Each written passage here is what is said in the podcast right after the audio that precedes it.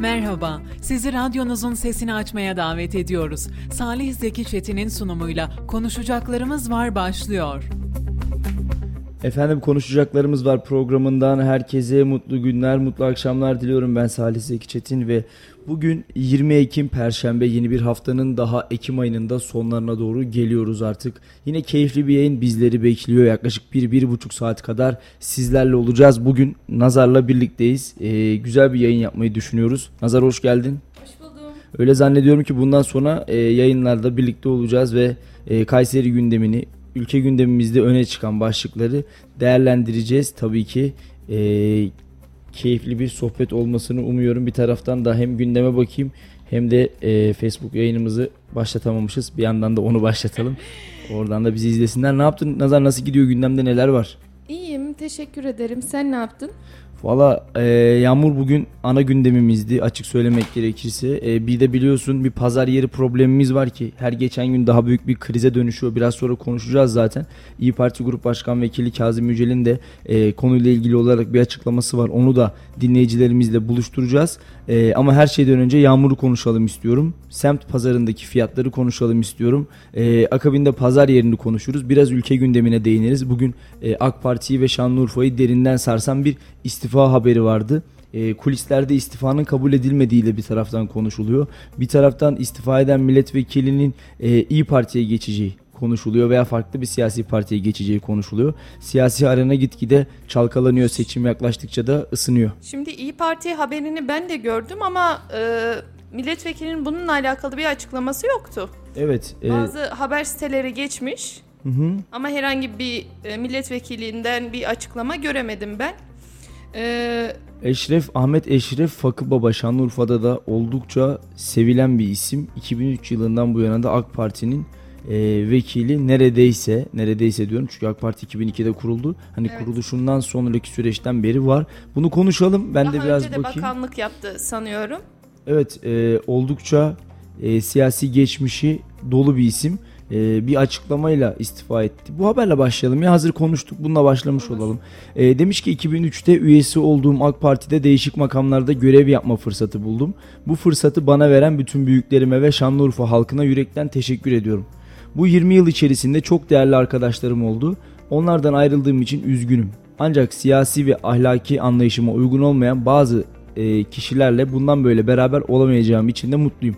AK Parti üyeliğinden ve AK Parti için bana oy veren hemşerilerime saygısızlık olmasın diye e, milletvekilliğimden istifa ediyorum. İnşallah aldığım bu karar ülkem için hayırlara vesile olur ifadelerini kullandı. Dediğim gibi e, bir iddia var ki o da edinilen bilgiye göre İyi Parti Genel Başkanı Meral Akşener'in önümüzdeki çarşamba günü İyi Parti'nin grup toplantısında e, Fakı Baba'ya rozet takacağı konuşuluyor. E, şimdi AK Parti'de istifa krizi yaşandı. Zaman zaman diğer partilerde de böylesi istifaları görüyoruz. E, neden bu istifanın sebebi neydi sence? Ee, Salih bu istifanın sebebi bence e, son dönemde yaşanan e, ekonomik çöküşler. E, bu seçimin de artık giderek yaklaşması. Bir de bununla birlikte Mehmet Ali Çelebi de tekrardan gündeme geldi. Evet. Bir sene içerisinde iki kez parti değiştirdi. En son AK Parti'ye geçti. Bu, bu istifa ile birlikte tekrardan Mehmet Ali Çelebi de gündeme geldi. İsmail Saymaz e, bir tweetinde bahsetmiş e, Mehmet Ali Çelebi'den Fakı Baba'dan örnek alsın demiş. Doğru söylüyor aslında. Şimdi e, hakikaten dirayetli ve dik bir duruş. Ben tebrik ediyorum kendisini öncelikli olarak. Çünkü e, bir insan oy veriyor ve bir insanı farklı bir makama getiriyor. Milletvekilliği, belediye başkanlığı neyse. Şimdi eğer partinizden istifa ediyorsanız vekillikten de istifa etmeniz gerekiyor. Çünkü aldığınız oyların büyük çoğunluğu kimse e, Mehmet Ali Çelebi'nin kara kaşına kara gözüne oy verip de milletvekili yapmadı herhalde. Onlar o partiye oy verdikleri için Mehmet Ali Çelebi e, Cumhuriyet Halk Partisi'nden milletvekili olmuştu. Sonra Memleket Partisi'ne geçti. Burada burayı da beğenmedi herhalde. Oradan da istifa etti. AK Parti'ye katıldı ve AK Parti'nin grup toplantısında da rozet takıldı. E, milli konulardaki tutumumuz belli. AK Parti ailesi ve Cumhur İttifakı'nın görüşlerine yakınım. Bu konuda elimden geleni yapacağım dedi. E, ilginç olan husus şu. E, hani CHP'den ayrıldın, Memleket Partisi'ne geçtin. E, Muharrem İnce ile acaba hangi konularda zıt düştüler, ne istedi ya da neler verilmedi konuşulabilir. Ama vekilliği devam ediyor. Sadece partisinden istifa Şimdi etti. bir de Salih, e, CHP, me- şey Memleket Partisi bir yana, AK Parti bir yana arada kocaman bir uçurum var. Evet. Yani ben hala e, bu istifaya ve AK Parti'ye geçiş sürecine akıl sır erdiremiyorum. Yani CHP'den istifa ettin okey. E, Memleket Partisi Genel Başkanı Muharrem İnce de istifa edip zaten Memleket Partisi'ni kurdu. Evet. Memleket Partisi'nden istifa edip AK Parti'ye geçmesi Var yakın görüş yani yakın görüşte olan bir partiye İyi devam etsin. Parti'ye geçersin ya da o altılı masadan birine geçersin. Şey yaptı. Önce soldu, sonra Memleket Partisi ile biraz daha orta solu buldu. Evet. Sonra tam sağa geçti. E, herhalde bundan sonraki durağı yine aşırı sağ bir parti olabilir diye bekliyorum. E, zaman zaman istifalar yaşanıyor ama Ahmet Eşref Fakıbaba hakikaten önemli ve değerli bir siyasetçi. Özellikle AK Parti ve Şanlıurfa için e, gerçekten değerli bir isimdi ve e, ne yaptı? İstifa etti. Şanlıurfa Belediye Başkanı e, Büyükşehir Belediyesi'nin 3 arsa için 29 milyon 500 bin lira bedelle açtığı ihale için belediye başkanı Zeynel Abidin Beyazgül'e seslenmişti Fakı Baba. Sayın Başkanım her bir dairesi 10-12 milyona satılmakta olan e, arsaları satmak yerine belediye şirketi eliyle konut yapsanız astronomik düzeydeki karı birkaç kişi kazanacağına Urfa halkı kazansa daha iyi olmaz mı? Sevgi ve saygılarımla demiş. Şimdi e, böylesine bir çıkışın hemen ardından da e, zaten burada çok net bir ifadesi var. Ancak diyor siyasi ve ahlaki anlayışıma uygun olmayan bazı kişilerle bundan böyle beraber olmayacağım için de mutluyum diyor. Aslında kendi çalıştığı belki geçmiş dönemde yol yürüdüğü kadrolardaki o bozulmadan dolayı ya da e, böyle akçeli işlerden dolayı istifasının geldiğini ben düşünüyorum. E, AK Parti kuruldu ve kurulduktan sonra bir sükse yakaladı. Bir ilerleyişe e, bir ilerleyiş söz konusu oldu ve iktidara geldiler. Akabinde ise genç bir kadroydu ama biz zaman zaman bunu yayınlarımızda da dile getiriyoruz. O dönemin AK Parti'nin genç kadroları dediğimiz kadrolardan artık Cumhurbaşkanı 70'e merdiven dayadı. Abdullah Gül keza aynı şekilde Bülent Arınçlar, Ali Babacanlar, Ahmet Davutoğulları bunlar tabi geldi gitti bir kısmı kaldı. Bir Binali Yıldırım, Melik Gökçek hep genç isimler artık böyle yaşlandı ki bunun örneğini şehrimizde de aslında görüyoruz. Büyükşehir Belediye Başkanımız e, Doktor Memduh Büyükkılıç da yılların siyasetçisi ve AK Parti'ye geldiğinde daha genç. Sayın Özasiki keza öylesine. Ama artık onlar da böyle biraz daha yaşını başına aldı ki Bekir Yıldız örneğimiz var. E, belediye meclis üyemiz şu anda belediye başkanlığı yapmış bir isim. Yine Şükrü Karatepe var. O dönemin genç siyasileri artık biraz daha böyle e, yaşını başını almış durumda. Salih bir de e, şimdi genç kadro dedin. Genç kadro üzerinden 20 sene geçti. Evet. Yani 20 senede o gençlik 20 yaşında olsa o genç şu an 40 yaşında, 40 yaşında olsa o genç şu an 60 yaşında. Kesinlikle kesinlikle e, kadrolar değişti ve ne oldu kurucu kadrolarda e, kurucu kadrolarda daha sonrasında böyle işte e, bana uymuyor diyerek istifalara sebebiyet verdi. Bence önemli bir değerli bir isimdi. Hala siyasetimiz açısından bence öyle. E, bundan sonra İyi Parti'ye geçer mi ya da e, farklı bir siyasi partiye geçer mi bilmiyorum ama e, Şanlıurfa gerçekten bugün değerli bir siyasetçisinin kaybetti diyelim öyle söyleyelim istifa etti. İnşallah önümüzdeki süreçte yeniden Fakı Baba'yı siyasette görürüz.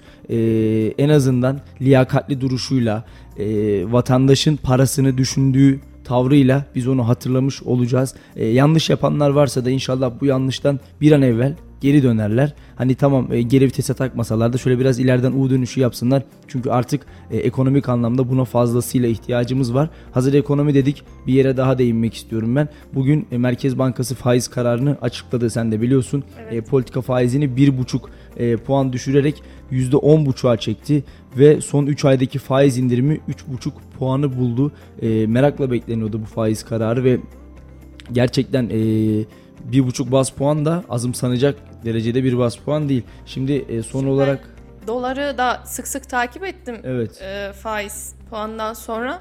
Dolarda da herhangi bir benim beklediğim kadar bir oynama ya da bir yükselme olmadı.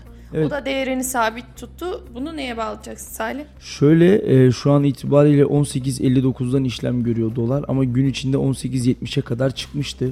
E, biz aslında ilk başta ne dedik işte faiz olmasın, düşük faiz olsun. İşte bizim nasımız var dedik. Faiz kararımızı bu şekilde, faiz politikamızı bu şekilde açıklamıştık zaten ama geldiğimiz noktada e, artık bunlar bizim için sürpriz olan şeyler değil. Yani faizi biz yarın 3 bas puan indiriyoruz desek e, böyle aman aman aa 3 bas puan indirdik gibi bir şey olmaz. Çünkü biz bunu alıştırıldık deyim yerindeyse. E, ekonomiyi ne yaptık? Bir kazana koyduk tamam mı? Ve altına ateşi böyle yavaş yavaş yaktık. İçindeki suyun kaynadığını, suyun azaldığını fark etmedik maalesef.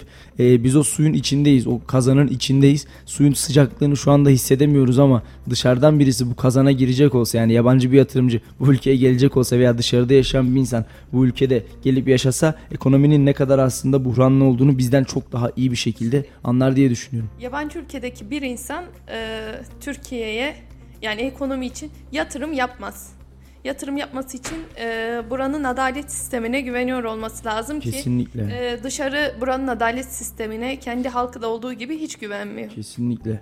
O Bak, yüzden yatırım da yapmıyor. Yatırım yapmadığı için ekonomide yani e, faiz kararı açıklandığında 18.53 seviyelerinde olan dolar bir anda 60'lara kadar tırmanmış. Bu da e, azımsanmayacak bir rakam aslında. Eskiden 10 kuruşlar 20 kuruşlar bizim için e, çok ciddi şeyler ifade ediyordu. Artık 50 kuruşun 1 liranın üstündeki artışları görmezden geliyoruz. az evvel de söylediğim gibi yani çok büyük bir artış yaşanmadı dedim. Evet yani alıştırıldık aslında biz bu tabloya. Şeyi hatırlarsın Nazar işte e, benzin zamlarını hatırlarsın 10 kuruş 15 kuruş 20 kuruş e, gelen benzin zamları o 25 kuruş zam geldi falan oluyordu. E, şimdi artık şimdi artık geldiğimiz noktada ne oluyor? Bir, bak, bir bakıyoruz e, benzin fiyatlarına e, 1 lira zam 2 lira zam 3 lira zam 4 lira zam bunlar bile artık bir ölçüde kabul edilebilir e, bizim tarafımızdan özümsenmiş ve maalesef sindirilmiş şeyler olarak hayatımızda. İşte e, artık zam olacağı günler bile böyle hani uzun kuyrukları göremiyoruz. Yani adam diyor ki bugün alırım yarın tekrar zam gelir. Öbür gün alırım öbür gün tekrar zam gelir filan.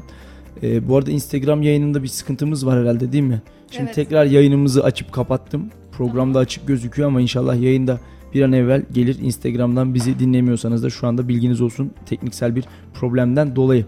Salih hemen e, bir açıklama okuyacağım. Tabii, Ali tabii. Babacan'ın bir açıklaması. Milyonlarca insan için şu anda ömür boyu bir araba almak hayal, bir ev almak da imkansız demiş. Sen ne düşünüyorsun? Ben eee, bu konuyu sık sık konuşuyoruz. Özellikle yakın çevremizle, arkadaşlarımızla, eşimizle, dostumuzla. Ben burada yalancı milyonerlik diye bir şeyden bahsedeceğim şimdi. Sen de bana hak vereceksindir zaten. Geçmiş yıllara, geçmiş yıllara baktığımızda insanlar milyoner olmak için çabalardı, çalışırdı ve eee, sonunda 1 milyon lirası, 2 milyon lirası, 10 milyon lirası olan insanlar milyoner olurdu ve bu gerçekten önemli bir şeydi aslında. Milyoner olmak, milyoner olabilmek.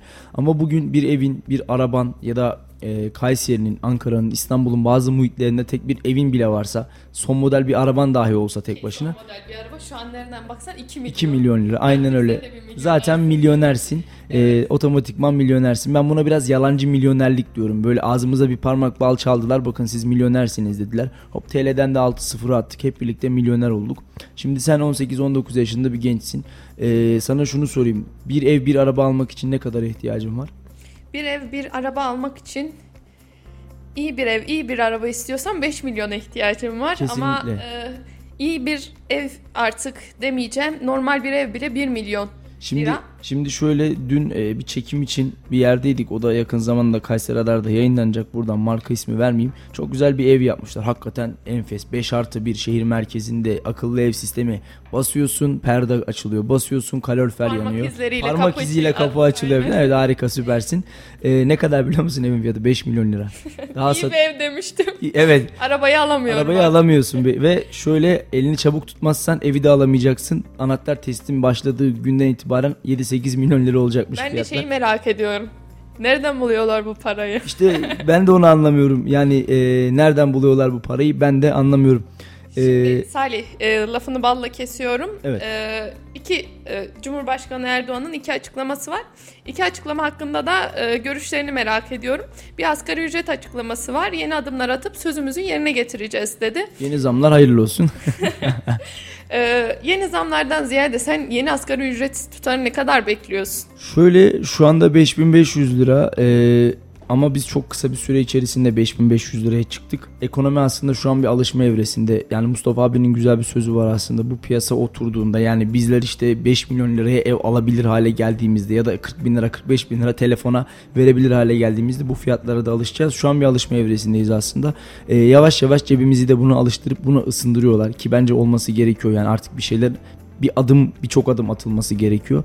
Ben yeni asgari ücretin 7000-7500 lira bandına çekilmesi gerektiğini düşünüyorum. En az 7000-7500 lira bandına Peki çekilmesi gerektiğini düşünüyorum. 7000-7500 bandı bir aileyi geçindirebilecek Ge- mi? Geçindirebilecek seviyede değil. Kesinlikle değil ama şimdi şöyle düşünelim Nazar. Bugün asgari ücrete zam gelmesi demek işte giydiğimiz kıyafetten elimizde kullandığımız telefona kadar elektriğe, suya, yakıta, e, içtiğimiz çaya kadar zam gelmesi anlamına geliyor. Çünkü bu bir zincir. Yani bir yerden ürün çıktığı zaman farklı bir noktaya ulaşana kadar benzin, insan, zaman, nakit, işte o insanların e, yoldaki giderleri, ürün yolda deforme oluyor vesaire. Bunların hep bütün maliyetleri eklenerek bizim üstümüze e, bir şekilde bu ürün geliyor ve biz düşünsene asgari ücrete zam yapacağız. Ne olacak? Doğal olarak işte o tırı süren adam da e, maaşına zam isteyecek ve bir tırcının maaşının zamlandığını düşün. Otomatikman oradaki ürünlere yansıyacak. Pompacının maaşının zamlandığını düşün. Benzine yansıyacak. Bunun yanında e, üretim bantlarına gelecek zam, elektriğe gelecek zam, üretim bantlarına yansıyacak. Yani asgari ücrete zam aslında tüm ürün kalemlerine zam zam zam zam zama da zam şeklinde bize gelecek. Biz artık bunlara da alıştık işte tıpkı e, doların hadisesinde olduğu gibi akşamları dışarı çıkıyorsun, yemek yiyorsun, kafeye gidiyorsun veya restorana gidiyorsun. Sana şunu sorayım. Hesap geldiği zaman ya bu da ne kadar hesap diyor musun? Demiyorum alıştım çünkü artık. Diyorsun ki ya buna bu kadar zam gelmiş diyorsundur herhalde. Çünkü ben de öyle yapıyorum. Ee, şu noktayı kaçırıyoruz işte. Hani düşünsene 10 tane tost yedik tamam mı? 10 tane de ayran içtik. Hesap geldi 500 lira. Kafamızda hiç şu olmaz. Ya acaba tostçu bizim hesabı yanlış almış mıdır algısını biz yitirdik. Ne diyoruz? Vay be 10 tost 10 ayrana 500 lira verdik diyoruz. Yalnız Yan- 10 tost 10 ayran 500 liradan fazla. fazla tutar muhtemelen değil mi yani işte. Çünkü bir tost e, nereden baksan e, 60-70 lira 70 oldu. lira, Bir evet. ayranda 15'i bulmuştur. Kesinlikle Uzun onu zamandır ayran içmiyorum ama. Şimdi ben de bayağıdır fast food yemiyordum. Ee, malum askere gittim geldim. Bugün de canım aşırı derecede fast food istedi. Kocasinan Belediyesi'nin programından önce bir dedim uğrayayım da güzel bir fast food yiyeyim. Ee, tek başıma ortalama standart bir menü hani böyle en büyük boy yok yanında Evet. ekstra sosu yok falan filan 75 liraya bana mal oldu. Şimdi düşünüyorum 5 Kişi başı 75 liradan 10 kişi yesen 750 lira yapar ve bu hani yanında böyle ekstrası yok patatesi işte e, sosu yok vesaire vesaire vesaire 5 kişilik bir aileyi düşün işte e, bir baba çocuğunu eşini ve iki üç çocuğunu eşini ve kendisini yemeğe götürdüğünü düşün asgari ücretle geçiniyorsa bu ev böyle bir şey Müm- yok. mümkün değil Götüremez. aynen öyle mümkün değil Ya götürecekse de o ay artık elektrik faturasını mı su faturasını mı ödeyemez. Saniye on, e, bir Erdoğan'ın bir açıklaması daha var ama ondan önce e, şeye geleceğim. ama dur ben şu asgari ücret konusu geçmeden sana sorayım sence ne kadar olmalı E, bence bir ev geçinecekse ki bu hayal gözüküyor evet en az 10 bin lira. 10 bin lira değil mi yani Şimdi 10 bin lira düşünsene asgari ücret olduğunu işveren ne yapacak Salih? işte Yani bir kurumda düşün 50 kişi çalışıyor.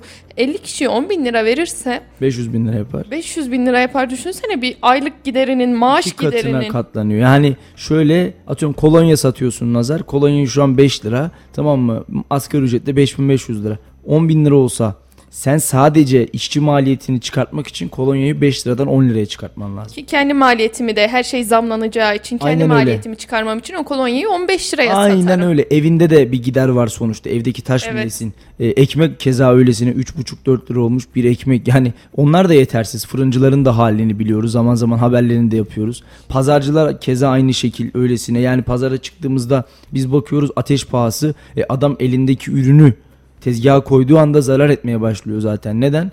E bakıyorsun hale e, hale gidiyor. Halden ürünü alıyor, benzinine getiriyor, emek veriyor, çaba sarf ediyor. Gün sonunda pazarcının cebine 3-5 lira kalırsa herhalde ondan mutlusu olmaz. Benim babam da pazarcı Salih. Evet. Ee, şimdi eskiden eve getirdiği parayla şu an eve getirdiği deste bir değil. Ya diyorum ki ne kadar para? Babam bana de- de- diyor ki yani keşke eski parayı getirsem de eskisi gibi geçinebilsek. Ya şimdi Kesinlikle. çok büyük paralar dönüyor ama Değeri yok. değeri yok. Şimdi Geçim çok zor. Yani Venezuela'da ben eski yaşamımızı hatırlıyorum. Şimdiki yaşamımızı hatırlıyorum. Arada dağlar kadar fark var. Aynı zamanda asgari ücretle geçinen arkadaşlarım diyor ki e, keşke eskisi asgari ücret olsa ama eski ekonomi olsa, Aynen eski öyle. alım gücü olsa ben buna varım. bak ben üniversitede okurken bundan yaklaşık 7-8 yıl kadar evvel bayağı da olmuş ya. 200 7-8 yıl evvel ben 10 yaşındaydım. Ya işte bak düşün 7-8 yıl evvel ilk Kayseri'ye geldim. Ee, arkadaşımla iki, iki kişi kalıyorduk evde. Ev arkadaşımla e, markete gidiyorduk Nazar ve Benim haftalığım 250 liraydı. 250 liraya ben ev alışveriş yapıp okulda yemek yiyordum. Ama e, yaptığımız yaptığımız alışveriş inan bana 100 lira 150 lira tutuyordu ya da tutmuyordu haftalık ve e, özür dilerim aylık ve bu alışverişle de inanır mısın bütün ay yemeğimizi de yiyorduk. Gayet rahat mutfak masrafımızı da kullanıyorduk. E, okulda da çok rahat bir şekilde yemek yiyordum, çayımı kahvemi içiyordum. Şimdi öğrencilere bakıyorum. Onlara bu bile hayal olmaya başladı. Hazır pazardan, ekonomiden, fiyatlardan girdik. E, bugün de biliyorsun pazar günüydü ve biz de e, semt pazarlarında fiyatların nabzını tuttuk. Şöyle bakacak olursak geçen haftaya göre salatalık 12,5 liradan 15 liraya çıkmış. Bir haftada, Bir haftada. 3 lira. Evet. Muz e, 20 liradan 22 liraya çıkmış. Şimdi limonu dinle 12 liradan 20 liraya çıkmış. 12 liradan 20, 20 liraya. liraya çıkmış. Ee, çilek 35 liradan 40 liraya çıkmış. Patlıcan ise 10 liradan 12,5 liraya yükselmiş. Şimdi vatandaşlarımızın çoğu Salih e, bu süt için de geçerli, meyve sebze için de geçerli diyor ki yani artık inekte mi para istiyor yani süt için. Ama vatandaş bunu düşünmüyor. İşte bu e, çiftçinin olsun, işte bu e, hayvancının olsun bir gideri de artıyor. Yani Üretim mazot maliyeti. olsun, yemler olsun, e, adamın evinin geçindirmesi olsun. Üretim Vatandaş- maliyetlerini hesaba katmak gerekiyor. Şimdi bir de düşenler varmış bak onlara Şimdi da. zam bize geliyor da üreticiye gelmiyor mu? Gelmez olur mu? Onlar daha fazla belki Ya. etkileniyor. Şimdi düşenlere bakalım. Havuç 7 liradan 5 liraya düşmüş.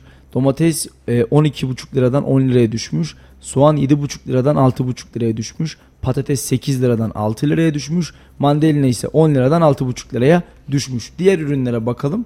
Elma 10 liradan, karnabahar 15 liradan, sivri biber 15 liradan, sarımsak 30 liradan, marul 5 liradan, maydanoz ve dereotu 10 liradan, yeşil soğan 5 liradan, pırasa 5 liradan, nar 15 liradan, yeşil fasulye 20 liradan, kivi 20 liradan ve mantar 30 liradan alıcıyla buluşmuş. Mantar Ee, 30 lira mı? Evet. Yani şimdi bir e, ne içinde kullanılır yemek? Salih benim çok aram yok ama yemekle. Mantar mı? Evet. Ben Valla- bir et sote yapıyorum desem mantar koyacağım içine desem 30 lira mı Et, vereceksin? etten pahalıya gelir mantar işi. Doğru söylüyorsun Salih. Mantarın sotesi güzel olur ama artık biraz cep yakar hale gelmiş. Biraz. Biraz. E, peki Salih şimdi bir Erdoğan'ın diğer açıklamasına geçmek istiyorum. E, Kemal Kılıçdaroğlu'na demiş yüreğin varsa seçimlerde karşıma çık. Dur konuyu geçirmeden Kazım Yücel'in bir pazar çıkışı var. Onu verelim istersen. Olur. Çok kısa. Ee, şimdi biliyorsun özellikle perşembe günleri Kayseri'nin şehir merkezinde açılan pazarlarda e, ciddi bir sıkıntımız var Yolun aslında. ortasına pazar açılıyoruz. Çevre esnafı çok rahatsız. Kesinlikle bu pazar yeri daha evvelden biraz daha yukarıdaydı Evet, en hatırlayacaksın. azından bir otoparkın içerisinde. Otoparkın bir derli, alanda. derli topluydu. Evet. Şimdi getirdiler pazarı orta yere. Bir de ne oldu biliyor Tek musun? sıra halinde oldu. Kentsel dönüşümden dolayı bir de yolun karşısına taşıdık biz Evet, pazarı evet. bu hafta. Bu İyice hafta. daraldı bu yol. Ee, Şimdi ben de yolda gelirken ya dedim ki bak bu hafta buraya pazar kurulacak yolun öbür tarafına da taşındı pazar. Bu yolu kullanmayayım dedim. Vatandaş için de zor, çevre esnafı için de zor, e, pazara açan esnaf için de zor. herkes için zor. İşte İyi Parti Grup Başkan Vekili Kazım Yücel de diyor ki belediyenin asli görevi vatandaşın pazar sorununu çözmektir diyor. Bir ona kulak verelim akabinde konuşmaya da devam edelim. Kalkınma Partisi 2019 yılı e, seçimlerinde şöyle ifadeler kullanmıştı. Pazar yerlerini düzenleyeceğiz. Pazar yerleri yağışta, soğukta, havanın sert şartlarında vatandaşın gelip alışveriş yapabileceği sağlıklı ortamlara ulaşacak demişlerdi.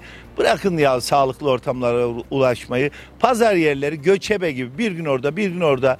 Ya bu perşembe pazarı özelinde söylüyorum ama bir gün balıkçıların arka tarafında bir gün işte burada bir gün karşı yolda bir gün kaldırılan okulun orada.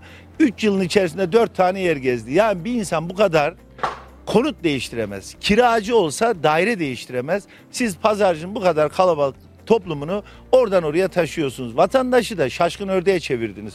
Bir gün orada, bir gün burada, bir gün şurada. Nerede bu pazar yeri dedirttiniz. Bugün de daha önce gündeme getirdiğimiz Perşembe Pazarı'nın şu anda inşaat durdurulmuş yerdeki o koruma kalkanının biraz içeri alınmasıyla çözülebilirdi. O tarafta esnaf yoktu cami tarafında. Bunu anlatmıştık. Fakat bu dediğimiz şeyi gerçekleştiremediler. Bir türlü zannederim müteahhit ikna edemediler. Her neyse sebep bu sefer de kaldırdılar pazar yerini karşı yoldan bu tarafı yola. Bu yola koydunuz ama bakın buradaki esnaflar Perşembe günleri. Ayda kaç perşembe var? 4. Yılda kaç perşembe var? Yüz küsür. Ya bu adam kira veriyor. Bu adam müşteri bekliyor. Sizin her perşembenizde burada iş yapamayacak hale geldi. Bunların sesini kim duyacak? Pazarcıya girdim sordum. Memnun musun dedim. Yok dedi ya. Göçebe gibi. Ben bu kadar ev değiştirmiyorum diyenler var. Biz buradan tekrar sesleniyoruz. Bir belediyeciliğin asli görevlerinden bir tanesi de pazar yerlerini tesis etmektir. Bu pazar yerini böyle tesis etmenin de ötesinde kullanışlı hale getirmeniz. Kışın, soğukta, sıcakta, yağışta her neyse kullanışlı vatandaşın gelip rahatlıkla alışveriş yapabileceği sağlıklı ortama ulaştırmanız lazım. İçinde biz tuvaletler, lavabolar, dinlenme salonları, duş, veya buna benzer e, vatandaşın hijyenik ortamda alışveriş yapacağı yerler beklerken vallahi göçebe gibi bir gün oradayız bir gün buradayız. Bunlar artık birçok mahallemize sirayet etti. Birçok mahallemizde bu örnekler var. Pazar yerini planlayamadınız, hayata geçiremediniz. Hem pazarcı hem de oradan alışveriş yapan insanlarımızı mağdur ettiniz. Biz belediye meclis üyesiyiz. Bu kararları alırken daha önceki perşembe yerinde bu esnafımız e, ticaretine devam ederken onlara verilen sözü hatırlatıyoruz. O planlamayı o gün yapanlar da Adalet Kalkınma Partisi'nin bugünkü belediye başkanları. Bugün bu mağduriyeti çekenler de bizim vatandaşlarımız. O planlamayı biz yapmadık ki bunun karşılığını biz verelim. Veya bizim elimizde planlar yok ki biz bunu konuşalım ama şu bir gerçek. Ya bu vatandaşlarımız eğer koskoca bir alan içerisinde bir belediyenin bir caddede konuşlandırdığı yer kadar alanı uzun bir süre pazarcıya tahsis edemiyor ise bu planlar elindeyken biz bu insanlara bu şehri planla diyoruz. Bu şehri planlarken hata yapmadıklarına nasıl inanalım?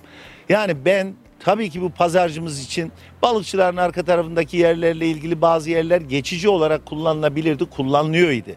Şu sebep bu sebep istimlak sebepleri veya yer işgal bedelleri veya arsa sahiplerinin şikayetleri. Bunları siz belediye başkanısınız, çağıracaksınız, konuşacaksınız. Kalıcı değil, geçici süreyle biz burayı bu vatandaşımıza kullandırıyoruz kardeşim diyeceksiniz. Bunları diyemeyeceksiniz. Bu vatandaşı bu caddenin üstünden bir gün o caddeye bir gün bu caddeye taşıyacaksınız. Buradaki esnafı mağdur edeceksiniz. Bizim var tabii ki. Biz topyekun burayla ilgili bir planlama yapıldığında önceliğimiz sağlık ocağı, pazar yeri, cami, okul alanlarını planlamak sonra konut alanlarını hayata geçirmek olmalı. Biz görüyoruz ki belediye önceliği konut alanları, konut alanlarının hayata geçirilmesi ya önceliğiniz bu olunca bu bölgede oturan vatandaşların pazar yerini, sağlık ocağını hiç düşünen yok. Evet, e, belediyeye serzenişte bulundu İyi Parti Grup Başkan Vekili Kazım Yücel ve vatandaşın pazar sorununun bir an evvel defaatle çözülmesi gerektiğini söyledi. Diyoruz ya zaman zaman burası çok ciddi tartışmalara sebebiyet veriyor. Ama bugün e, pazardan da ziyade bence daha büyük bir e, buna felaket demek doğru olmaz. Daha büyük bir sorunla karşı karşıya kaldık.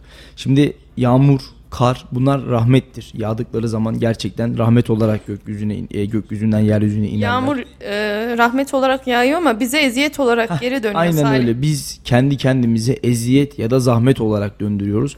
Bugün yağmur yağarken ben de araç kullanıyordum. Trafikteydim. Naza inanır mısın? Araba çok zor gitti.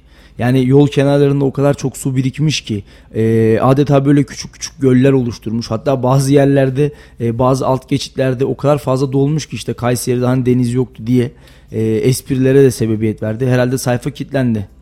E, sayfa kilitlendi. E, bir de şimdi bu durumda vatandaşımızın hayal gücü aşırı gelişiyor. Yani ben şaşırıyorum. Bunu nasıl düşünmüş diyorum. Bugün biri yazmıştı. Hani Kayseri'de deniz yoktu admin yazmış. Yeni Evet. sanayide. Şimdi orada da bir yol çalışması mevcut Salih. Evet. Ee, o da uzun süren, oranın esnafınca uzun süren bir yol çalışması. Evet. Ee, şimdi esnaf dükkanın ben ilk kez görüyorum yeni sanayide bir dükkanın e, su bastığını. Ee, şöyle çok çok böyle hani aman aman son 10 yılın en büyük yağmuru falan yağmadı aslında Evet, böyle bir çok şeyin. da büyük yağmur yoktu yani. Bundan e, bir önceki yağmurumuzda mesela Erkilet tarafı çok kilitti. Yani resmen işte şelale gibi, akarsu gibi yağmur yağıyordu nereden baksan. E, ama bu çok dediğin gibi aman aman bir Çok- yağmur yağmadı. Buna rağmen vatandaş çok fazla özellikle o yeni sanayi esnafı çok fazla öyle olumsuz etkilendi. İşte yazmış e, admin hani Kayseri'de deniz yoktu. Evet. Çünkü şimdi insanlar mağdur oluyor. Yani ot- e, otobüs duraklarına bakıyorum böyle hani adeta karga tulumba bir şekilde otobüs bekliyorlar. Aman gelse de bir an evvel binsek yollar hakeza öylesine. Şimdi evet bu yağmura ihtiyacımız var mı? Hiç kuşkusuz ki yağmura ihtiyacımız var. Ama eğer doğru önlemleri almazsak şayet vatandaşlarımız mağduriyet yaşamaya devam eder. Kışın kar yağdığında da aynı hadise vardı. Hatta ben bir yayında linçlenmiştim. Kardeşim kar yağıyor siz orada eleştiriyorsunuz diye. Bizim eleştirdiğimiz şey karın yağması, havanın soğukluğu, her yerin bembeyaz olması falan değildi. Bizim eleştirdiğimiz en önemli husus şuydu. E, belediyelerimizin ya da yetkililerimizin maalesef e, az çalışıyor ya da yeterli hazırlığı yapmıyor oluşuydu. İstanbul örneğini vermiştim. İstanbul'da valilik aman burası bizim sorumluluğumuz, belediye aman şurası bizim sorumluluğumuz dedi. Mağdur olan İstanbul halkı oldu. E, biri Cumhur İttifakı'nın belediyesi, diğeri devletimizin valisi. Böyle çatışmalara özür dilerim. Biri Millet İttifakı'nın belediye başkanı, e, diğeri e, devletimizin valisi. Şimdi Kayseri gibi e, iktidarın yönettiği belediyelerde bu tür problemleri yaşamadık ama umarım gelecek sene İstanbul'da da Ankara'da da İzmir'de de yaşamayız. E, ikinci, üçüncü karda İstanbul birazcık daha düzeldi ama ben Kayseri'de 3 gün boyunca kendi aracımı evimin önünden çıkartamamıştım örneğin. Şimdi e, az evvel Millet İttifakı'nın belediyesiyle e, devletin valisi ters düştür dedin. Evet. Burada böyle bir durum söz konusu değil. Cumhur İttifakı'nın belediyeleri, Kayseri'de bütün ilçelerin belediyeleri, Cumhur İttifakı'nın e, burada böyle bir durum söz konusu değil ama burada da olan Kayseri halkına oluyor Salih. Kesinlikle hemfikiriz Nazar. Ee, diyorum ya 3 gün aracımı çıkartamadım. Gezici radar çekmeye gittik. Kara gömüldük. Defalarca kez yolda kalma tehlikesi yaşadık. Ee, gerçekten karla inanılmaz bu sene mücadele ettik. Çok şükür güzel yağdı. İşte yazın e, susuz geçirmedik. Yani hani acaba su kaynaklarımız mı hım falan demedik. Ee, şimdi önümüzde yeni bir kış var. Umarım hazırlıklarımız, teyakkuzlarımız tamdır. Ama kıştan da önce bir sonbahar yaşayacağız. Her yağmur yağdığında böylesine e, denizleri, gölleri, manzaraları mı göreceğiz Kayseri'de? Eğer öyle bir şey varsa kağıttan gemilerimizi hazırlayalım. En azından biraz çocukluğumuza dönmüş oluruz. Şimdi kağıttan gemilerde biraz az oluyor. Bugün e, aslında görüntülere de bakacak olursak araçlar resmen bir gemi gibi yolun üzerinde bir bulvar yani bir bulvarda nasıl olur da bu kadar su birikebilir? Kesinlikle. Bir gemi gibi e, yolun üzerinde neredeyse yüzüyorlardı Salih. Diyorum ya Yani kağıttan gemiler biraz hafif olabilir. Onun için biz kendi araçlarımızda da e, bir gemi gibi yüzebiliriz diye düşünüyorum. Diyorum ya zor ilerledim Ee, ve hani bir tane meşhur bir oyunumuz var ya orada bir şifre yazdığın zaman araç suyun denizin üstünde Evet, gidebiliyor. evet, evet. Herhalde dedim hepimiz bugün Kayseri olarak bu şifreyi yazmışız ki araçlarımız burada ilerlemeye çalışıyor. Gerçekten yoğun bir sınavdı. Çok yağmadı yani saatlerce yağmadı. O toplasan 15 dakika 20 dakika bile belki yağmamıştır ama etkisi gerçekten şehir genelinde oldukça derinden hissedildi. Ee, zaman zaman iş yerlerini su bastı, bodrum katlarda sıkıntılar vardı. Bu bizim şehir merkezinde gördüğümüz manzaraydı. Tablonun bir de ilçeler kısmına, köyler kısmına olanlarına bakmak Orada lazım. e, bir neredeyse bir akarsu e, gibi bir görüntü oluşuyor. Salih bir de benim şaşırdığım en büyük noktalardan biri de şu. Bir bina yani bir apartman bir binanın içerisi yani bir binaya çıkmak için de yine bir kat vesaire çıkıyorsun. Bir binanın içerisi nasıl su basabilir?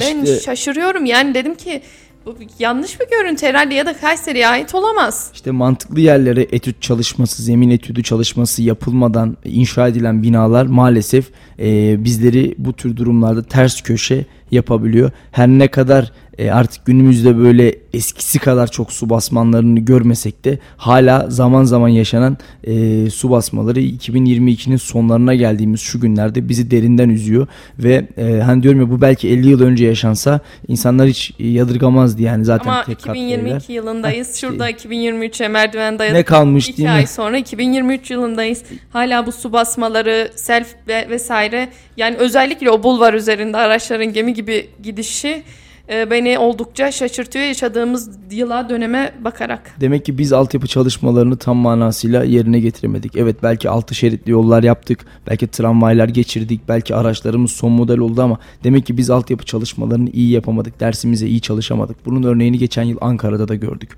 Ankara'da birçok yeri su bastı. Kar yağdığında yollar kapandı. Sular bas e, yağmur yağdığında seller oldu. Yollar tıkandı. E, o dönemde gerçekten çok eleştiri aldı Ankara Büyükşehir Belediyesi. Ama hani bunu siyasi bir yorumun ötesine taşıyacağım şimdi. E, 25 yıl belki 30 yıl Melek Gökçek Ankara'yı yönetti. Dönüp baktığımızda 30 yılda altyapıda nelerin yapılmadığını biz görmüş olduk ve bir e, şehir, bir başkent 30 yıl nasıl yönetilemezmiş aslında bize bunu da göstermiş oldular. E, şöyle dönüp baktığımızda yapılan hatalara e, bunları yapmazsak doğruyu bulabiliriz'i aslında çok güzel örnekliyor ülkemiz. Sadece Ankara'da mı? Tabii ki hayır. İstanbul'da, yeri geliyor İzmir'de, yeri geliyor Kayseri'de de e, uzun yıllarca bu şehirleri yönetmiş ya da bu mecraları yönetmiş yöneticilerin yapmış olduğu hataları böyle suyun üstünde yüzmüş bir şekilde bulabiliyoruz. E, yeni gelecek yöneticiler de işte bunları yapmazlarsa ancak o zaman bence e, daha rahat başarıya ulaşabilirler. Şimdi biz yeni gelecek ya da yeni gelen yöneticilere de aslında bu suçu biraz da olsa buluyoruz.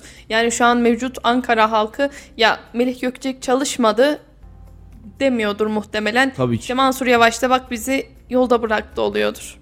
Yani e, şimdi şöyle Nazar bunlar eskiden gerçekten tutan bir e, nasıl diyeyim tutan demeyeyim de insanlar tarafından karşılığı olan bir eleştiriydi. Ama günümüze geldiğimizde özellikle sosyal medyada Twitter'da e, okuduğumuz yorumlara baktığımızda insanlar neyin ne olduğunu gayet net farkındalar zaten. Yani Evet. e, 20 yıldır kimin yönettiği, 15 gündür kimin başta olduğunu, 3 yıldır hangi belediye başkanının koltukta oturduğunu gayet farkındalar zaten. Ee, biraz olaylara tersten bakmak lazım. AK Parti İl Başkanı Sayın Şaban Çopuroğlu dinliyorsa selam olsun. Çok da severim kendisini. Çok güzel bir sözü var. Ee, ne yaşanırsa yaşansın Şaban Başkan hep der ki ben biraz şöyle olaylara tersinden bakmayı severim der.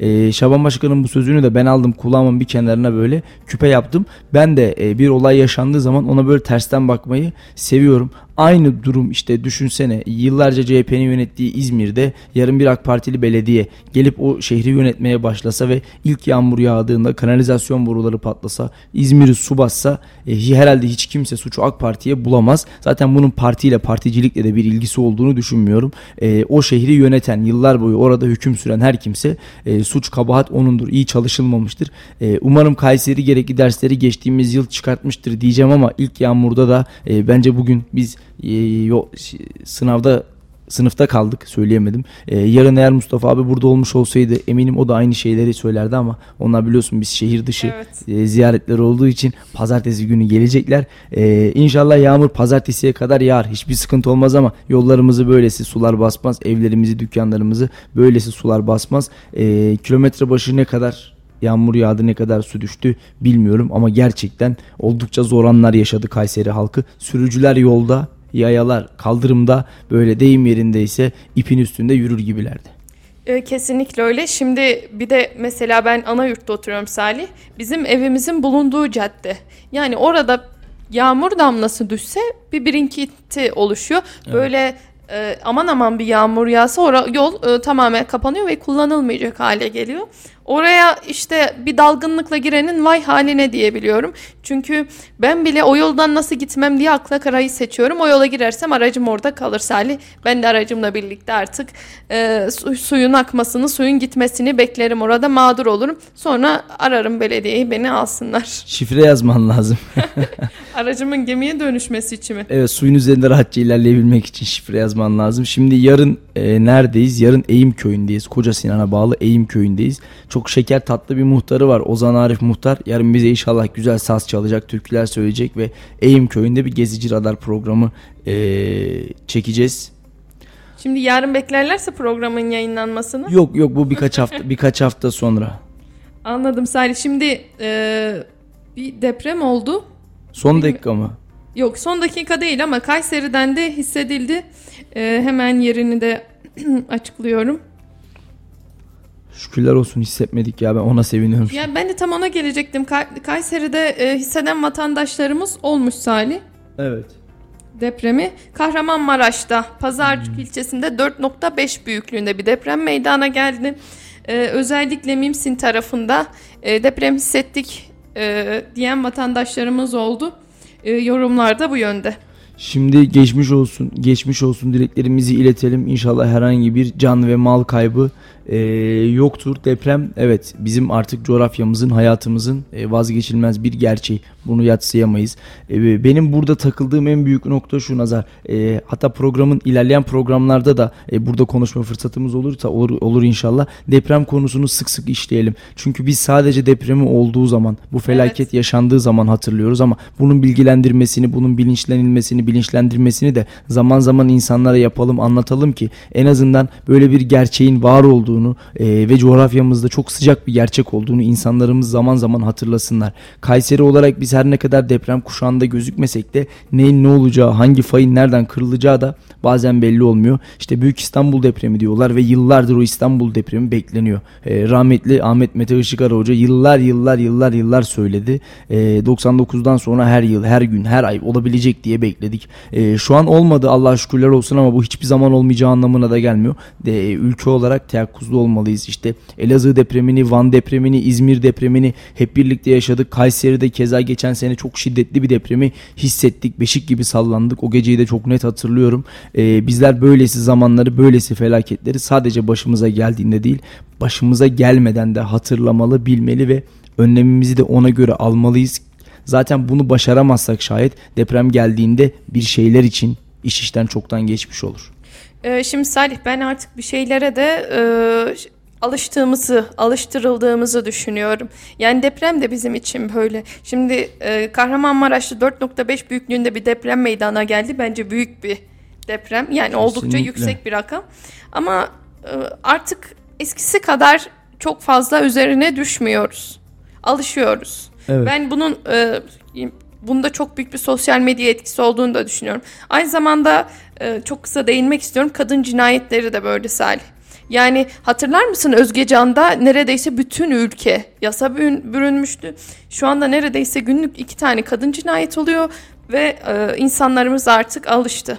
Evet, maalesef yani e, normalleştik, normalleştirildik ve gerçekten artık kadın cinayetleri geldiğinde e, ne diyoruz? Sadece sadece üzülüyoruz ve o günlerde anıyoruz, anmaya çalışıyoruz. Ama e, yalnızca kadın cinayetlerinin olduğu zamanlarda mı insanları hatırlamalıyız? Tabii ki hayır. Ya da işte yıl sonu geldiğinde bu sene 300 kadını kaybettik derken mi hatırlamalıyız? Tabii ki hayır. Ee, bizler aslında e, ülke olarak birçok şeyi kendi içimizde normalleştirdik. Maalesef üzülerek söylüyorum şehit haberleri de bunlardan bir tanesi. Ee, bakıyoruz artık haber bültenlerinde 3 şehit, 5 şehit, 10 şehit, 15 şehit çok yani çok üzülüyorum ben bunlara ama e, keza hırsızlık da öylesine işte hırsızlık arttı bir, bir ay içerisinde 300 tane hırsızlık oldu. Yani kim bu hırsızlar kardeşim bizim içimizde yaşayan insanlar kim bu katiller bizim içimizde yaşayan insanlar dönüp bakıyoruz herkes bu kadar iyiyse hiçbir sorun yoksa kim bunu kim bu suçları işleyen? Salih şimdi Özgecan'ın cinayeti e, neredeyse iki ay kadar unutulmadı. Gündemde hiç gitmedi. Ama şimdi e, geçtiğimiz aylarda ya hatta geçen ay ya da bir iki hafta evvel e, İstanbul Bağcılar'da bir genç annesinin başını keserek katletti. E, gündemimiz de çok hızlı değişiyor. Yani onun üzerine hemen bir kadın cinayeti daha, hemen çok büyük bir olay daha e, ve hemen unutuyoruz. Evet. Aslında ben biraz buna kızıyorum. Bir silsile yani, halinde düşünsene gidiyor. bir anne, bir anne bir evladı tarafından katledildi. Evet. Biz bunu ne ara bu kadar çabuk unuttuk? Normalleştirildik işte. Yani bu olabilecekmiş gibi algıladık sanki ve ne diyoruz işte ya evet olabilir ya evet başımıza gelebilir. Bu bunlar bu kadar kolay unutulacak. Bunlar bu kadar kolay anlatılacak şeyler değil. Yani e, bir bir anne katledilmiş ya da bir evlat katledilmiş, bir çocuk katledilmiş ya da bir çocuk istismara uğramış. E, biz işte hatırla e, Mersin'deki e, Mersin'deki olayı dedesi tarafından istismara uğrayan e, yörük kızı. Yani bu gerçekten işler acısı bir durumdu. Ama ne oldu? Üç Bunun gün, gibi neceleri var Salih ya. Öz babası tarafından istismara uğrayan konuşulmayan, çocuklarımız var. Ee, bir ben işte buna alışamıyorum. Ne ara bu kadar çabuk unutuyoruz? Çünkü çok fazla oluyor. Yani her gün bir tane kadın öldürürse tabii ki de bir hafta öncekini çok çabuk unuturuz. Evet e, artık diyorum ya Nazar bir de şu var. İnsanlar bakıyor evet o onu öldürmüş ben de şunu öldürebilirim. O bunu e, dövmüş ben de ben de öbürünü dövebilirim. Yani Salih Allah korusun benim için bile çok basit bir hale geldi ya. Yani düşünsene bir cinayetten ne kadar fazla ceza alıyorsun ki. Evet. Bir de şimdi af çıkacak genel af. Yani böyle bir beklenti var. Ee, insanlar bunu daha çok basitleştirdi. Bir de benim için e, hala benim normalleştiremediğim ama insanlar tarafından çok normal karşılanan uyuşturucu. Salih yani bunun e, ne önüne geçilebiliyor ne de artık evlatlarımızı, çocuklarımızı koruyabiliyoruz. Şimdi bu konuyla ilgili olarak ben hep aynı şeyi söylüyorum. Hatta geçtiğimiz günlerde bir tweet attım. Ee, Vali Bey'in tweetini alıntılayarak gerçekten uyuşturucuyla yapılan mücadele e, bu ülkenin gençliğine karşı yapılmış en güzel mücadele örneklerinden bir tanesidir. İşte çünkü gencecik çocukları toprağa dikilmiş yeni bir fidan gibi olan çocukları uyuşturucunun batağında solduruyoruz, kurutuyoruz. E, tam böyle aslında sulamamız gereken, onlara bilgi vermemiz, eğitmemiz gereken yaşlardaki artık uyuşturucu kullanımları çok çok aşağılara düştü. Yani 9, 10, 12 yaşlara düştü uyuşturucu kullanımı. E, bu durumla bu durumda bizim artık mücadele etmemiz gereken yegane şeylerden bir tanesi de bu. Ama bunu sadece polisle, sadece askerle, sadece kamu kurum kuruluşlarıyla değil aile içinde başlayan bir mücadele, arkadaş ortamında başlayan bir mücadele, akraba ortamında başlayan bir mücadele. Düşünsene akraban uyuşturucu kullanıyor, sen ağzını açmıyorsun, annesi ağzını açmıyor. Hatta babası yeri geliyor aman oğlumuzun ağzının tadı bozulmasın, düzeni bozulmasın diyor. E, istemeye istemeye de olsa cebine Halbuki bazen para uyuşturucu koyuyor. kullanan oğlu kimlerin ağzının tadını bozuyor. Kesinlikle, kesinlikle. Ama geldiğimiz noktada artık bunun mücadelesini tam manasıyla vermeliyiz. E, iki gündür yayında konuşuyorduk. Sen gerçi e, yeni geldiğin için ben tekrarlayayım istersen. E, alkol ve sigaraya yapılan zamdan sonra Sayın Cumhurbaşkanı bir açıklama yaptı. İşte biz bunların düş, e, kullanım oranının düşmesi için zamları yapıyoruz dedi. Biz alkolle, sigarayla, uyuşturucuyla bu şekilde mücadele edemeyiz. Dünyanın hiçbir yerinde zararlı bir alışkanlığa zam yaparak kullanımın azalması gibi bir şey söz konusu değil. Onu kullanmayı kafaya koyan insan bir şekilde kullanıyor. Bunu görüyoruz. Hatta bunu ben söylemeyeyim. Bunu sigara satışlarını e, göz önüne döksünler. İşte 2000 yılından itibaren her yıl paket paket kaç paket sigara tüketildiği kayıtlarda vardır. Şimdi Salih çok e, özür dileyerek lafını kesiyorum. Uyuşturucuyla alakalı, alkolle alakalı. Şimdi bir insan bir şeye bağımlıysa, bu uyuşturucu olsun, alkol olsun, sigara olsun her neyse. Ben şunu gördüm ki kendi gözlerimle şahit oldum. Evindeki televizyonu satıp da alkol alan insan gördüm Salih ben. Evet. Bu şekilde bunun önüne geçilebilir mi? Yani düşünsene bir şeye o, o kadar bağımlısın ki, o kadar bağlısın ki evindeki televizyonu e, ailecek oturduğup izley, izlediğiniz bir televizyonu satıp alkol alıyorsun. Evet. Böyle mi geçilecek bunun önüne? Peki Salih e, sence nasıl geçilmeli? Bence e, ben bunu tekrar söyleyeyim. iki gündür söylüyorum. Tekrar söyleyeyim. Sadece sadece e, zam yapmaktan geçmiyormuş. Hatta zam yapılmasına gerek yok bence. Eğer biz kullanımını azaltmak için sigaraya zam yapıyorsak bunun altında başka bir sebep yoksa bu zammı yapmayalım. Bizim bununla mücadelemiz beşikten başlamalı mezara kadar. Bak bir takipçimiz e, çok güzel yazmış. E, diyor ki satan torbacılar diyor terörden vatan hainliğinden yargılanmak yargılatmak gerekir diyor. Yani e, uyuşturucu satan insanları terörden vatan hainliğinden yargılatmak gerekiyor. Evet bak önce aileden eğitimle mücadeleye başlamak lazım demiş Gökhan Bey. Her şeyi devletten beklemek yanlış demiş. Kesinlikle hemfikirim. İki gündür de aynı şeyi söylüyorum. Çocuklarımız en küçük yaştan itibaren zararlı alışkanlıkların kötülüğü onlara bence anlatılmalı. Yani bu işte sigara içersen ölürsün. Paketleri siyaha boya. Etrafına işte uç beş satır yazı yaz. Çok Böyle bir- iğrenç fotoğraflar kullan. Aynen kesinlikle böyle bir mücadele modeli yok. Eğer çocuğa hakikaten o sigarayı içtiğinde başına nelerin gelebileceğini küçük yaşlardan itibaren anlatırsan şayet bunun önüne ancak böyle geçebiliriz. Şimdi bir Ha. de Salih Şu lafını unutma şunu söyleyeyim. Eğer biz zam yaparsak sadece önümüzdeki bir yılı, 6 ayı, 3 yılı, 5 yılı kurtarırız. Ama biz gerçekten beşikten itibaren e, çocuk en küçük yaştan itibaren bu mücadelenin içerisine girersek önümüzdeki nesilleri kurtarabiliriz. Belki 100, belki 200, belki 500 yılımızı kurtarabiliriz. Zam yapmakla maalesef e, sigara kullanımının önüne geçilemiyor. Şimdi Salih bir de e, aileden eğitimle mücadeleye başlamak lazım demiş takipçimiz. E, ben buna da katılmıyorum çünkü öyle ebeveynler var ki kendileri uyuşturucu kullanıyor, çocuk dünden kullanır.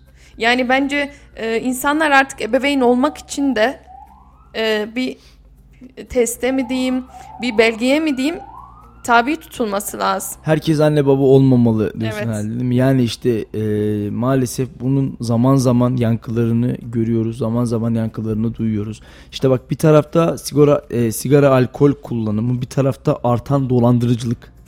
Yani e, böyle sanki her şey tepe taklak olmuşçasına. Aslında Salih bu çok kötü bir şey ama Kültürümüzün tüm e, böyle sinir uçlarıyla oynanmışçasına artan cinayetler, tamam artan hırsızlık, artan dolandırıcılık. Yani e, Laf Sokak'ta ekibi olarak bizler de telefon dolandırıcılığını sorduk. Bir Kayseri halkına mikrofonumuzu uzatalım bakalım yayınımızın son bölümünde. Onlar neler söylemiş?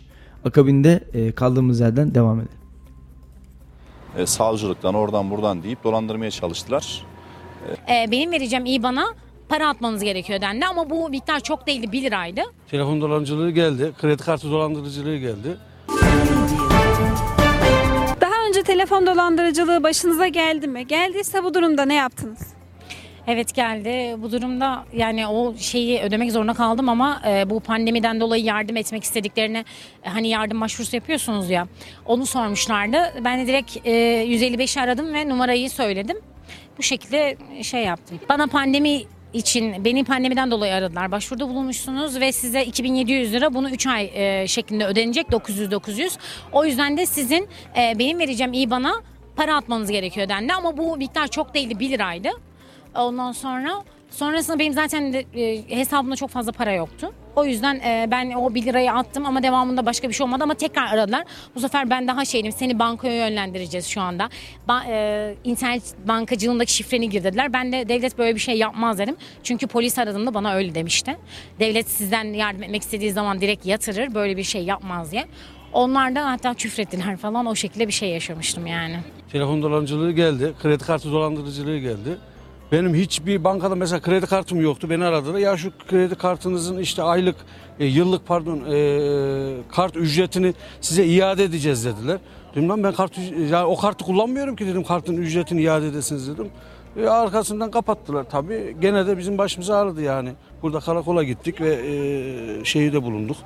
E, kayıtta beyanda bulunduk. Da benden beraber aynı gün 4-5 kişiyi dolandırılmıştık yani. Yak, yani yaklaşık e, 4 sene önce 1 milyar 800 lira civarıydı. Paramızı alamadık. Gitti yani. Biz dolandırılanlar şeyden çıktı. Sakarya'dan çıktı. Yani orada yapılmış o işlem. Kredi kartı kullanmıyorum. Yani. Yani gerek yok ya. Yani dolandırıcılık açısından bir de hani sanal e, şeye pek şey yapmıyorum ya. Yani gözümle göreceğim, elimle tutacağım diyorlar ya. Yani güvenmiyoruz tabii ki. Çok güvenilir mesela e, internet siteleri var işte ama bir- birazcık sağlıklı bakmıyorum açıkçası. Va- Gelecekti aradılar. Son anda fark ettim. Vazgeçtim. Bazı bilgilerimi istediler vermedim. Kızdım ve ondan sonra telefonu kapattı karşıdaki. Vallahi bilmediğiniz numaraları açmamak veya kimlik bilgilerimizi, TC'mizi, banka hesap numaramızı vermemiz gerekiyor. dolandırıcı olduğunu bildiğim anda herhalde polise haber verirdim. Ötesi bilmiyorum yani. Polise haber verir. Gereken neyse yapılırdı tahminimce. Hayır gelmedi. Gelmesin de ablam ana. Bu durumda gerekli yerlere, gerekli yerlerle itibata geçilmeli. Yani geldi, gittim, aldım. Yani oyuncak gibi bir telefon çıktı yani. Geri gittik, geri iade etmek için. Yani e, internette gördük, e, uygun fiyatlı dedik. Ama vardık oraya parasını verdik. Parası bakabilir miyiz dedik, baktırmadılar. Baktırmadığı için de biz de geri iade etmek istedik. Karşıda muhatap olacak hiç kimseyi bulamadık. Biz de hiçbir şey yapamadık yani öylece bıraktık yani. Uğraşmadık yani. Geri kendi hatamıza sunduk. Yani kendi hatamız diyerekten. Ya şüphelendim de yani geri gelen yere iade etme koşulumuz olabilir diyerekten önemsemedik ama hiç kimseyi de bulamadık karşıda. Evet o da bozuk çıktı ya. Vallahi ben şahsım olarak daha dün bugün muhabbetini yaptım. Dedim acı başıma gelse ne yaparım diye.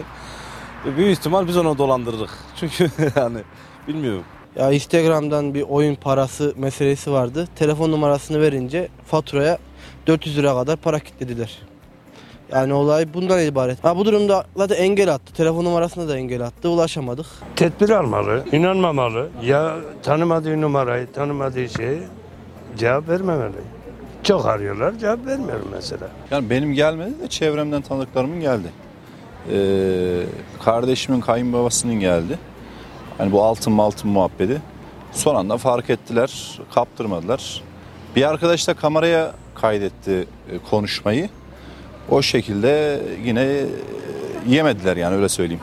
Ma- Telefonla aradılar işte şu meşhur muhabbet şeyden arıyoruz işte nedir o? E, savcılıktan oradan buradan deyip dolandırmaya çalıştılar. E, e, ama sonuç olarak kaptırmadılar paralarını. Öyle bir şeylerdi de. Vallahi işte televizyonda görüyoruz şu profesörler dolandırılıyorsa o an artık ne oluyorsa e, konuşmak kolay geliyor bize de. Herhalde e, konuşanlar bu işin uzmanı. Başımıza gelmeyince de bir şey demiyoruz ama dikkatli olmak lazım. Yok kara kız ben yurt dışından emekliyim Kayseri'de şu an gezmeye alışverişe geldim. Öyle de sahtekarlara denk gelmedim çünkü çok tek, çok tekbirliyim yani. Onun için böyle telefon şuna şuna sahtekarlara karşılaşmadım. Gelen oldu da şikayet edeni hiç çoğunluğunu sanmıyorum yani. Yani yani geldiğinde en kısa yol emniyet. Emniyete başvurmak gerek. Evet, e, telefon Salih. dolandırıcılığı gerçekten bizim de şehir olarak başımızdaki büyük dertlerden bir tanesiymiş. Yani bitmekle bitmiyor. O kadar fazla şikayet var ki bununla alakalı. Evet. Bir de çok şaşırıyoruz. İnsan bunu nasıl dolandırılır ki diyoruz. Yani nasıl bu kadar kandırılıyoruz? Nasıl bu kadar kanıyoruz? Nasıl bu kadar aldanıyoruz? Ben hala anlayabilmiş değilim. Şimdi geçtiğimiz dönem bir haber vardı. E, Cumhuriyet savcısını dolandırmışlardı. Cumhuriyet savcısı dolandırılmıştı.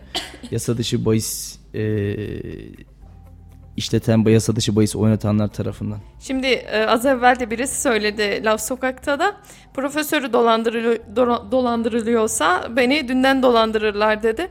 E, bu arada Salih bir tane yorumumuz var sigara kullanımı ile alakalı. Evet. Bir takipçimiz yazmış. Sigara kullanımı ilkokul çocukları yaşına kadar düştü. Aile istediği kadar terbiyeyi istediği kadar versin.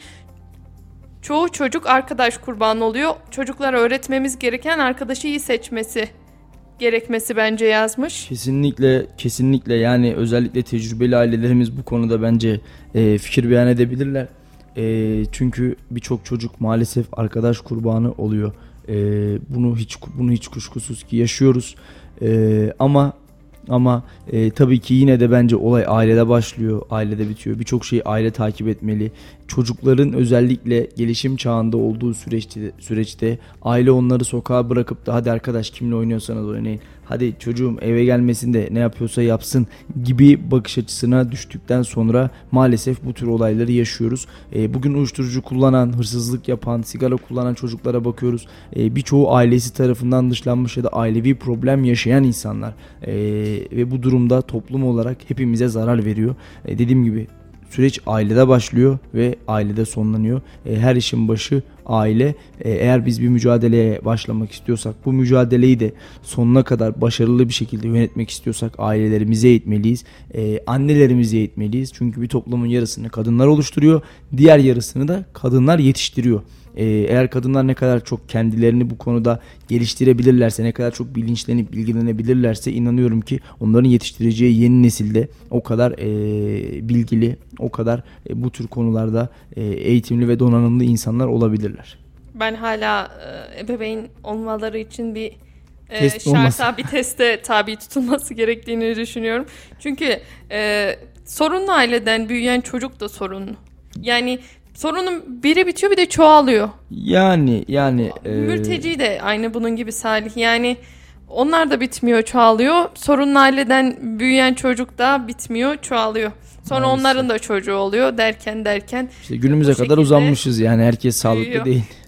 dolandırıcılar, hırsızlıklar, kadın cinayetleri, Gaspçılar gasp, ondan sonra yani sayamadığımız kadar çok sorunumuz Şimdi var do- aslında. dolandırıcılığın bir başka boyutu da var. Hani biz hep böyle e, internet dolandırıcılığını, telefon dolandırıcılığını konuşuyoruz ama bir de böyle e, esnaf olup da müşteriyi dolandırmaya çalışanlar, işte e, ayıplı mal diye tabir edeceğimiz yani hatalı mal e, satmaya çalışan insanlar, bunların yanında nedir işte e, bir malı ederinden fazla fiyata satmaya çalışan insanlar var. Bunlar da yok değil. Özellikle o malı talep çoksa. Çoksa kesinlikle yani bakıyorsunuz bir anda kapanın elinde kalmış. Bize gelişi böyleydi abla deyip bir kenara Bir çekilebiliyor. de şey vardı Salih bir dönem hatırlar mısın? Çok değil yani geçen sene daha böyle bir oyuncak. Yani Evet, çok e, hatırlıyorum, çok Böyle hatırlıyorum. kare işte balonlar oluşuyor içerisine Evet, evet. basıyorsun.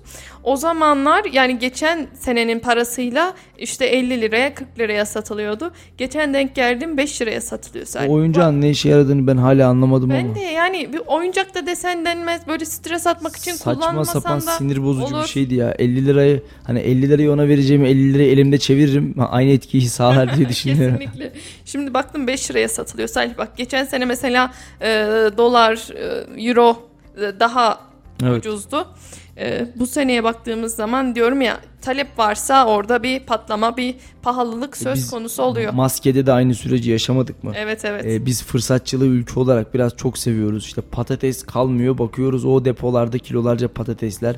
İşte zeytinyağlar depolarda, sıvı yağlar depolarda saklanıyor insanlara satılmıyor. E, bakıyorsunuz ondan sonra fiyatlar bir anda artmaya başlamış. E, maske de işte ne oldu? Yani e, 3 liraydı, 5 liraydı, 10 liraydı, 50 liraydı, 100 liraydı derken 200 liraya satıldığı 200 liraya zamanları satı- Aynen öyle. biliyoruz. Sonra Sayın Cumhurbaşkanı dedi ki aman dedi bakın maskede dedi bir kritere oturtacağız dedi. E, bu kriter de 1 liradır dedi. Sonra maske bir anda 100 liraya satılan maske 1 liraya düştü. E, demek ki bir şeylerin kontrolünü yapabilirsek e, ancak insanımıza sağlıklı bir şekilde e, ihtiyaçlarını ulaştırabiliyoruz. Eğer bu kontrol mekanizmasını elimizden bir an olsun yitirirsek fırsatçılar gözünü açtığı anda ilk dolandıracağı kişiler de e, bizim gibi vatandaşlar oluyor maalesef. Salih e, maske 1 liraya düştükten sonra zaten maske yasağı kalktı. Yani evet bir de olayın öyle bir boyutu var. Ee, hiç dolandırıldın Ya- mı? Yok çok şükür dolandırılmadım. E, çok fazla para kaybettim. Ama hiç dolandırılmadım. Peki şey diyor musun hani ben hiç dolandırılmam kesinlikle dolandırılmam diyor musun? Hiç dolandırılmam, kesinlikle dolandırılmam demiyorum ama Elimden geldiğince dolandırılmamaya çalışıyorum. elimden diyorsun. geldiğince dolandırılmamaya da çalışıyorum. Salih de diyorum ya bazı dolandırıcılık yöntemlerine, bazı dolandırılan insanlara çok fazla şaşırıyorum. Çok hayretler içerisinde kalıyorum. Evet. Yani e, işte bir mesaj geliyor, bir link işte sana yardım yapacağım diye mesaj geliyor. Adam giriyor, giriş yapıyor. bir anda aslında hani e, başımıza gelse şunu söyleyebiliriz yani E, ya da işte bir başkasının başına gelse hadi be kardeş hadi be kardeşim böyle dolandırılır mı insan yani böyle bir iş mi olur niye tıklıyorsun o linke deriz ama kendimiz aynı şeyi zaman zaman bence yaşıyor ya da yaşayabilecek potansiyeldeyiz. Şimdi Salih bir tane akrabam var. Ee, bu işte Mehmet abi ben köyden çıkamıyorum. İşte şu kadar altın var bende. İşte gelip bu altınları Onun birlikte, sayısı var 1132 miydi öyle bir şeydi herhalde. bu altınları birlikte çıkarmamız gereken gerekiyor diye mesajlar e, geliyordu bir dönem. Bakıyorsun Buna benim mesaj gelmiş. akrabalarımdan biri Geldi mi? düştü. Gerçekten mi? Yani Salih kredi çektiler o adamın yanına gidebilmek için. Adamın yanına gittiler böyle bir adam yok. Bu parayı niye önceden gönderdin? Düşünsene Bilge mesaj atıyor. Arkadaşlar Sivas'ta 1132 tane altın buldum. Hadi bunları çıkartalım. Ben bilgi için ölüme bile giderim Salih. Ben giderim de böyle mesaj gelse hadi oradan derim yani herhalde hesabı çalınmıştır bence. Sen de ben demem. Peki sen dolandırıl bak ben sana dedim günün birinde dolandırılacaksın diye. Beni dolandıracaksa o bilgi olabilir. Hiç problem değil. Peki peki. Ee, Nazar şimdi biliyorsun son bir duyurumuzu yapıp programımızı kapatalım. 25 Ekim Salı günü saat 19'da Erciyes Kültür Merkezi'nde Melih şehrimiz Eymen ve- için evet Melih Eymen ve Hasan Çınar için önemli bir gece düzenlenecek. Ee, ortalama iki çocuğumuz için 36 milyon hatta e, dünkü Sayın Baykersoy'un yayınını bir kenara bırakırsak e, orada da 1 milyon liradan daha fazla bir rakam toplandı. Ben Onu sadece da bir kısmını izleyebildim. O zaman Baker Soy açıklama yaptı. 500 bini açtık diye. Evet dün 1 milyonu geçti SMS'ler hariç nakit para 35 milyon gibi bir rakam kaldı. Ellerine emeklerine sağlık. Katkı sunan herkesin keyifli bir yayındı. Ben yayının birçok kısmını da izledim. Ee, sadece Kayseri'den değil Adana Spor Adana Demirspor Başkanı Evet. e, Ethem Sancak da bağlandı ki Evet. gerçekten oldukça kıymetli bir bağlantıydı bence. Sadece Kayseri'den değil Kayseri dışından da insanları e, Melih Eymen ve Hasan Çınar için buluşturabildik e, 25'inde de bir akşam olacak. E, yine defalarca kez o e, akşam günü gelene kadar, o saat gelene kadar duyurularını yapmaya devam edeceğiz ama e, önemli bir dönem, önemli bir süreç ve tabii ki bu çocuklar, bu şehrin evlatları bizler ona sahip çıkmalıyız. Onlara sahip çıkmalıyız diye düşünüyorum. E, herkesi de elini taşın altına koymaya ben buradan bir kez daha davet ediyorum. Koskoca bir şehir, iki evlat. Evet yani aynı durum Sivas'ta olsa, Konya'da olsa çoktan bu kampanyalar bitmişti. Peki Kayseri'nin farkı ne? Kayseri'de niye bitmedi Salih? Ee, bugün birazcık aslında Hasan Çınar'ın dedesiyle de konuştuk. Onlar kampanyanın ilk başında e, SMA hastalığını Kayseri'nin Hasan Çınar'la öğrendiğini Evet. ve e, insanların güven bir- bir- birçok noktada güven problemleri olduğunu e, hala anlatıyorlar. Bakın diyorlar bu valilik onaylı. Bakın burada yazıyor valilik IBAN'ı. Bunların tamamı resmi, yasal bir şekilde e, çocuklarımızın hesaplarına yatıyor ve bu para sadece e, çocukların tedavisinde kullanılıyor. İnsanlara bunu böyle tek tek anlatmak lazım. Onlar ellerinde iğneyle kuyu kazmaya çalıştılar. Kayseri'nin farkı ne Sivaslı'dan? Ya bilmiyorum ben Kayserili değilim. Üstümden böyle Şimdi ben Kayseriliyim ama ben- böyle üstümden atmış olayım. Sen İstanbullusun. Ben bir İstanbulludan ya da bir Sivaslı'dan kendim aramda bir fark göremiyorum. Ee, biraz sanki e, para harcama hususunda mı sıkıntı var ya? Keşke bende de biraz olsa Salih. yani bu ekonomiden mi kaynaklı, benden mi kaynaklı bilmiyorum ama Sen e, yerlisi olsan belki daha çok paran olurdu ama Evet. Tomar, Tomarzalı olduğun için e, böyle bir ayrı bir tarife uygulanıyor sana. o zaman buradan da Tomarza'ya bir Selam selamlarımızı olsun Pusatlı'ya, iletelim. Pusatlı'ya, e, Küçük canlıya. küçük canlıya, büyük canlıya, Aynen. Adını sayamadığımız nereler varsa tüm Tomarza'ya selam olsun. Tabii Tomarza sevdiğimiz bir ilçemiz. Zaman zaman da gidiyoruz. Neredeyse beni de Fahri Tomarzalı ilan edecekler. Kabak çekirdeğinden tut da e, tatmadığım Tomarza lezzeti kalmadı. Her gittiğimizde sağ olsun hem belediye başkanı Davut Şahin hem başkan yardımcısı Ahmet Özcan bizi krallar gibi orada ağırlıyorlar. Tomarza'yı seviyoruz. Şimdi Salih sen e, Gezici Radar vesilesiyle aslında her yerlisin. Yani Kayseri'de gitmediğin, gezmediğin neredeyse köy kalmadı. İlçeyi Yok, geçtim evet, artık. Evet. O yüzden e, her yerlisin. Belki Kayseri'de yaşayan e, insanlardan daha fazla ilçe gezdin, daha fazla köy gördün. E, gerçekten bu da aslında çok kıymetli bir değer. Evet yani uzun vadede işime yarayacağını düşünüyorum en azından anlatacak. Mesela nerelerde işine yarayacak Salih? Yani insanlar arıyorlar tamam mı diyorlar ki nereye gidebiliriz hafta sonu işte çocuğumuzla çoluğumuzla eşimizi nereye götürebiliriz. Şimdi e, Kayserili olan insanlar arayıp bana bunu soruyor. Şu an bunun için ücret almıyorum ama ilerleyen zamanda bu- bunu paraya dönüştürebilirim. Çok güzel. Bunun dışında şaka bir yana tabii Kayseri kültürü ve Kayseri tarihi hakkında e, bilgiler ediniyorum. E, ve gerçekten bunlar günlük hayatımda da işime yarayan şeyler. Soruyorlar. İnsanlara anlatıyorum. İşte bir adımla başlar yapıyoruz, ne yapıyoruz? Tarihi eserleri tanıtıyoruz. Hem Halit Hoca ile hem Fikri Hoca ile hem Bilgin Hoca ile hem e, Osman Hoca ile birlikte Kayseri'yi geziyoruz. Karış karış ve Bir Kayseri. de ben mesela Kayserili olmama rağmen Kayseri'nin tarihini, o gezdiğiniz, gördüğünüz yerleri bir gezici radar bir de bir adımla başlarla öğrendim Kayserili olmama rağmen. İşte bunu söyletebiliyorsak bence e, bir şeyleri doğru yapıyoruzdur. Ama tabii hani biz ekran önünde ya da işte orada kameranın önündeki e, emekten ziyade arka tarafta da yoğun ve hummalı bir çalışma var. Evet. Çeken arkadaşlarımızdan montajlayanlara kadar e, hatta her geçen gün yeni bir yenilik katıyoruz. Artık biliyorsun bu hafta itibariyle Mega Metal sponsorluğunda e, Gezi Radar yayınlanacak. Ona da duyurusunu yapmış olalım. Güzel de bir e, güzel de bir teaser hazırlandı. Yeni taze güzel bir sesimiz var orada. O zaman cumartesi mi yayınlanıyordu gezici radar? Cumartesi yetişecek inşallah. Cumartesi günü Mega Metal sponsorluğunda yayında olacak. O zaman cumartesiyi sabırsızlıkla bekliyoruz. İnşallah biz de, için. ben merakla bekliyorum ortaya ne çıkacağını bilmiyorum çünkü keyifli bir çekim olmuştu. Ee, şimdi de programımızı kapatalım. Benim bir misafirim gelecek. Ee, 25 Ekim'e güzel bir hazırlığımız var. Güzel bir e, klip hazırlıyoruz. Onun için ben de 25 Ekim'de müsaade de isteyelim. e, bütün kamu kuruluşları, siyasilerimizi orada görmek istiyoruz.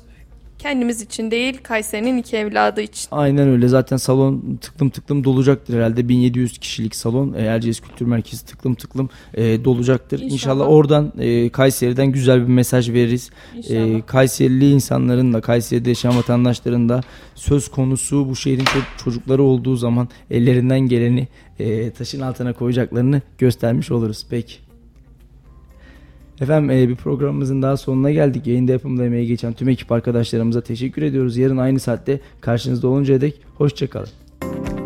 Salih Zeki Çetin'in sunumuyla konuşacaklarımız var sona erdi.